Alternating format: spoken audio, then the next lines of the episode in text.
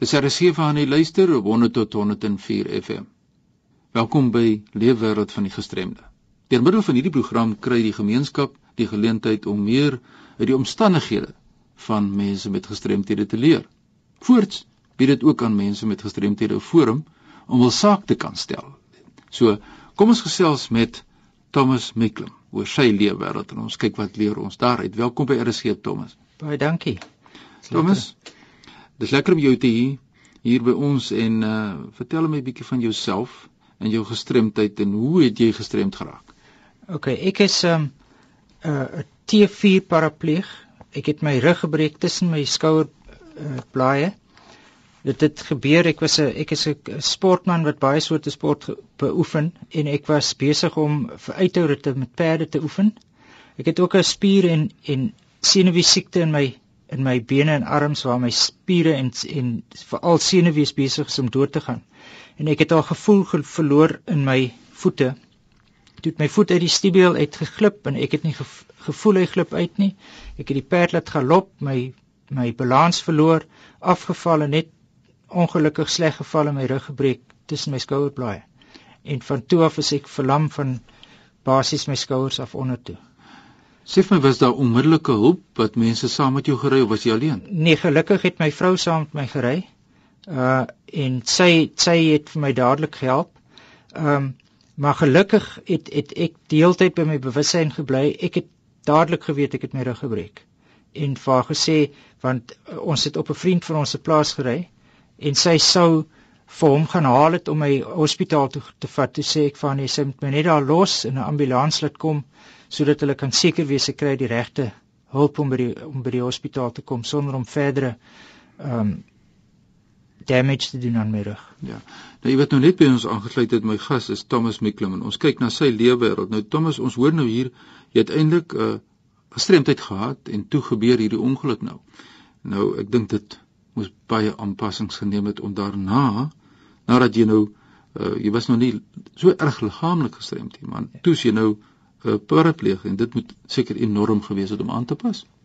Nee, nie eintlik vir my nie. Uh die die een ding van die van die gestremdheid of die die siekte wat ek voorheen gehad het, het die dokters vir my gesê ek sal eendag in 'n rolstoel opeindig. Um en dit het nou net toevallig vinniger gebeur as wat ek gedink het. Maar um ek is gelukkig 'n baie positiewe mens en toe ek in die rehabilitasiesentrum was waar ek rehabilitasie gekry het, het ek gesien daar's mense wat baie erger gestremd is as wat ek is en ek is daarom gelukkig om nog my lewe te hê. So ek het dadelik besluit om aan te gaan om 'n vol lewe te probeer lei. Ek mag miskien goed op 'n ander manier doen as wat ek dit sou gedoen het, maar ek kan basies nog alles doen wat ek wil doen. Ek kan my kar bestuur, ek kan sport beoefen. Ek kan omtrent enigiets doen wat ek wil. Jy praat nou van sport beoefen. Watse sportsoorte beoefen jy? Enige sport? Op op, op die oomblik ek ek doen ehm um, handfietsry wat uh, basies fietsry is vir, vir vir mense wat gestremd is wat jy met jou hande fietsry in plaas van met jou bene. En dan doen ek ook vlieghengel. Ehm um, ek is baie lief vir hengel en ek ek het altyd in die see gehengel, maar nou kan ek nie meer by die see kom nie. So nou het ek vlieghengel begin doen waar ek in damme kan gaan gaan hengel. Ons praat nou van die toeganklikheid uh, van strande ja. en dis meer waar mense nou uitkom of nie kan uitkom nie en uh, dan nou uit die aard van die saak die fietsring is dis iets anders is baie meer toeganklik vir jou nie. Dis baie meer toeganklik en en basies die fietsry vir my is soos ehm, 'n um, vryheid. Ek kan ek kan gaan op plekke waar ek nie met my rolstoel kan ry byvoorbeeld nie. Uh ek kan dis ook vir my uh, iets wat my fiks hou. Ek dink dit hou my ook jonk omdat ek as ek heeldag nie in die rolstoel sit, het ek nie eintlik 'n goeie bloedsomloop nie. Ons kyk na die Tour de Kaap. Wat presies is dit en vertel ons meer daaroor? Die Tour de Kaap is 'n 'n fiets 'n uh, toer wat ons gereël het vir handfietsse. In in die land was daar nêrens eintlik 'n 'n toer of enige regte kompetisies vir vir handfietsse nie. En uh oor see het hulle sulke goed ehm um, waar jy 'n toer het wat oor 'n paar dae strek en en nogal lang kilometers op 'n dag ry. En ons het besluit ons wil so iets vir vir handfietsse hier begin sodat die mense ehm um, hulle uithou vermoë kan toets en ook dis vir ons is dit vir baie van ons wat dit gereeld ry is dit 'n oefening vir die Agus. Ehm um, ons ry omtrent 100 km op 'n dag vir 6 dae. Ehm um, ons ry 'n roete wat van van George af ry en ons ry um, byvoorbeeld ons ry van George Albertina, Stilbaai, Riversdal, uh Ladysmith, Oudtshoorn en terug na George toe. Hoe is die belangstelling in hierdie Tour de Cape? Ehm um, dit was in die eerste jaar nogal redelik goed. Ons het 'n paar buitelandse ehm um, aanfietsryers gekry. Ons het dit nou al 5 jaar uh, gehou en die belangstelling gaan op en af. Ons het in die eerste jaar 8 aanfietsryers gehad. Die tweede en derde jare was daar 4. Verlede jaar was daar 8 en hierdie jaar was daar weer 6. So op die oomblik is dit uh, 'n uh, probleem. Handfietsse is verskriklik duur. Ja. En en en uh ons het die ons het die ehm um, toe begin om te probeer om van die uh inskrywingsgelde uh, 'n uh, fonds te stig om handfietsse te kan koop vir minder bevoorregte mense wat dit nie kan bekostig nie wat wil handfietsry. Maar ons het ook uh verskriklik gesukkel. Ons kry nie eintlik borgskappe nie. So op die oomblik die persone wat die toe ry, moet alles self betaal. Kan ek dit 'n vraag daar vra en dit ja. is oor die borgskappe. Hoekom dink jy is daar soveel meer geld beskikbaar vir ander forme van gestremdheid uh, se borgskappe beskikbaar of vir arme ander uh, sportsoorte? Wat is die situasie daar? Ek, ek kry die gevoel dat dat uh, vir gestremde sporte is daar oor die algemeen minder borgskappe as vir as vir uh, gewone sporte. Is dit so? En en ek weet nie hoekom nie. Ek dink miskien is dit omdat die ehm um, die die die, die borge dink nie hulle gaan hulle gaan regtig advertensie kry uit die uit die ding so, ja. uit want want dis die die gestremdes is maar 'n minderheid. Ja. En sê vir my jy nou toe jou betrokkeheid, hoe dit begin by hierdie Todeka? Ek het in 2008 begin fietsry. Ja. En op my eerste rit wat ek gery het, het ek 'n dame, Hilary Loos, ontmoet wat van Johannesburg is en sy het al 'n hele tydjie lank fietsry. En sy het die idee gehad om so 'n 'n toer aan te bied. Sy het toe al 8 jaar lank daarmee gespeel en sy het 'n klompie mense gevra of dit hulle dink dit sou 'n goeie idee wees en hulle het almal vir haar gesê maar sy's mal, sy klippe in haar kop. en sy sy is hardkoppig en sy het besluit maar sy gaan dit nog steeds probeer aanbied.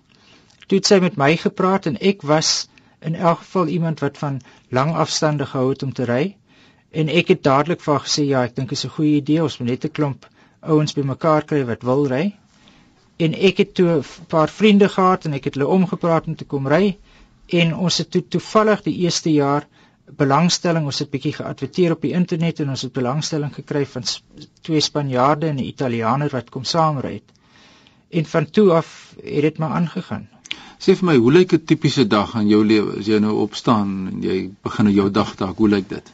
Eh, my gewone dag, ek staan so 6 uur in die oggend op. Uh trek my aan, maak uh, vir my ontbyt, maak reg vir werk. Ek ry so 20 minute van die huis af Wellington toe om te gaan werk. Ek is 'n rekenmeester by 'n maatskappy wat wynbottelleer en uitvoer en uh ek werk gewoonlik tot so 6:30 of 7 toe dan gaan ek weer terug huis toe. En as ek kans kry, uh, as die weer mooi is, sal ek bietjie gaan fietsry na werk. Uh gewoonlik ek kan nie by die huis ry nie. Die die paaie rondom waar ek bly is is te woelig om te om te kan fietsry daar.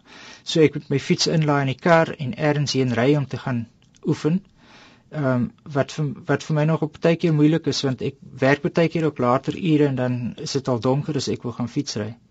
Maar ek probeer om in die week elke dag of elke tweede dag ten minste en naweke ten minste een dag so 60 km te gaan ry. Jy weet soos wat jy weet word hierdie program ook uh, reklame voorgemaak ja. op ons webtuiste www.rsg.co.za ja. en iemand vra is dit hoekom is dit nie veilig genoeg op ons paaie. Inhou mense wat in motors bestuur, hou hulle julle in gedagte. Wat is jou gevoel? Ehm um, ek die uh, ja, die veiligheid is ons is baie laag op die pad met 'n handfiets. Ja. Ehm um, so hulle is moeilik om te sien. Ehm um, alhoewel as 'n mens nou rondkyk behoort jy om te kan sien ons ry die meeste van ons is op die pad ry uh, het ons 'n vlag of twee vlaggies op. Ja, ek het dit gesien um, ja. Maar maar ek dink mense sien ons net nie baie maklik raak nie. Ja. Ehm um, ek probeer kies plekke waar ek kan ry waar daar 'n wye skouer is of waar die pad stil is. Maar ehm um, ja, dit is maar een van die een van die probleme.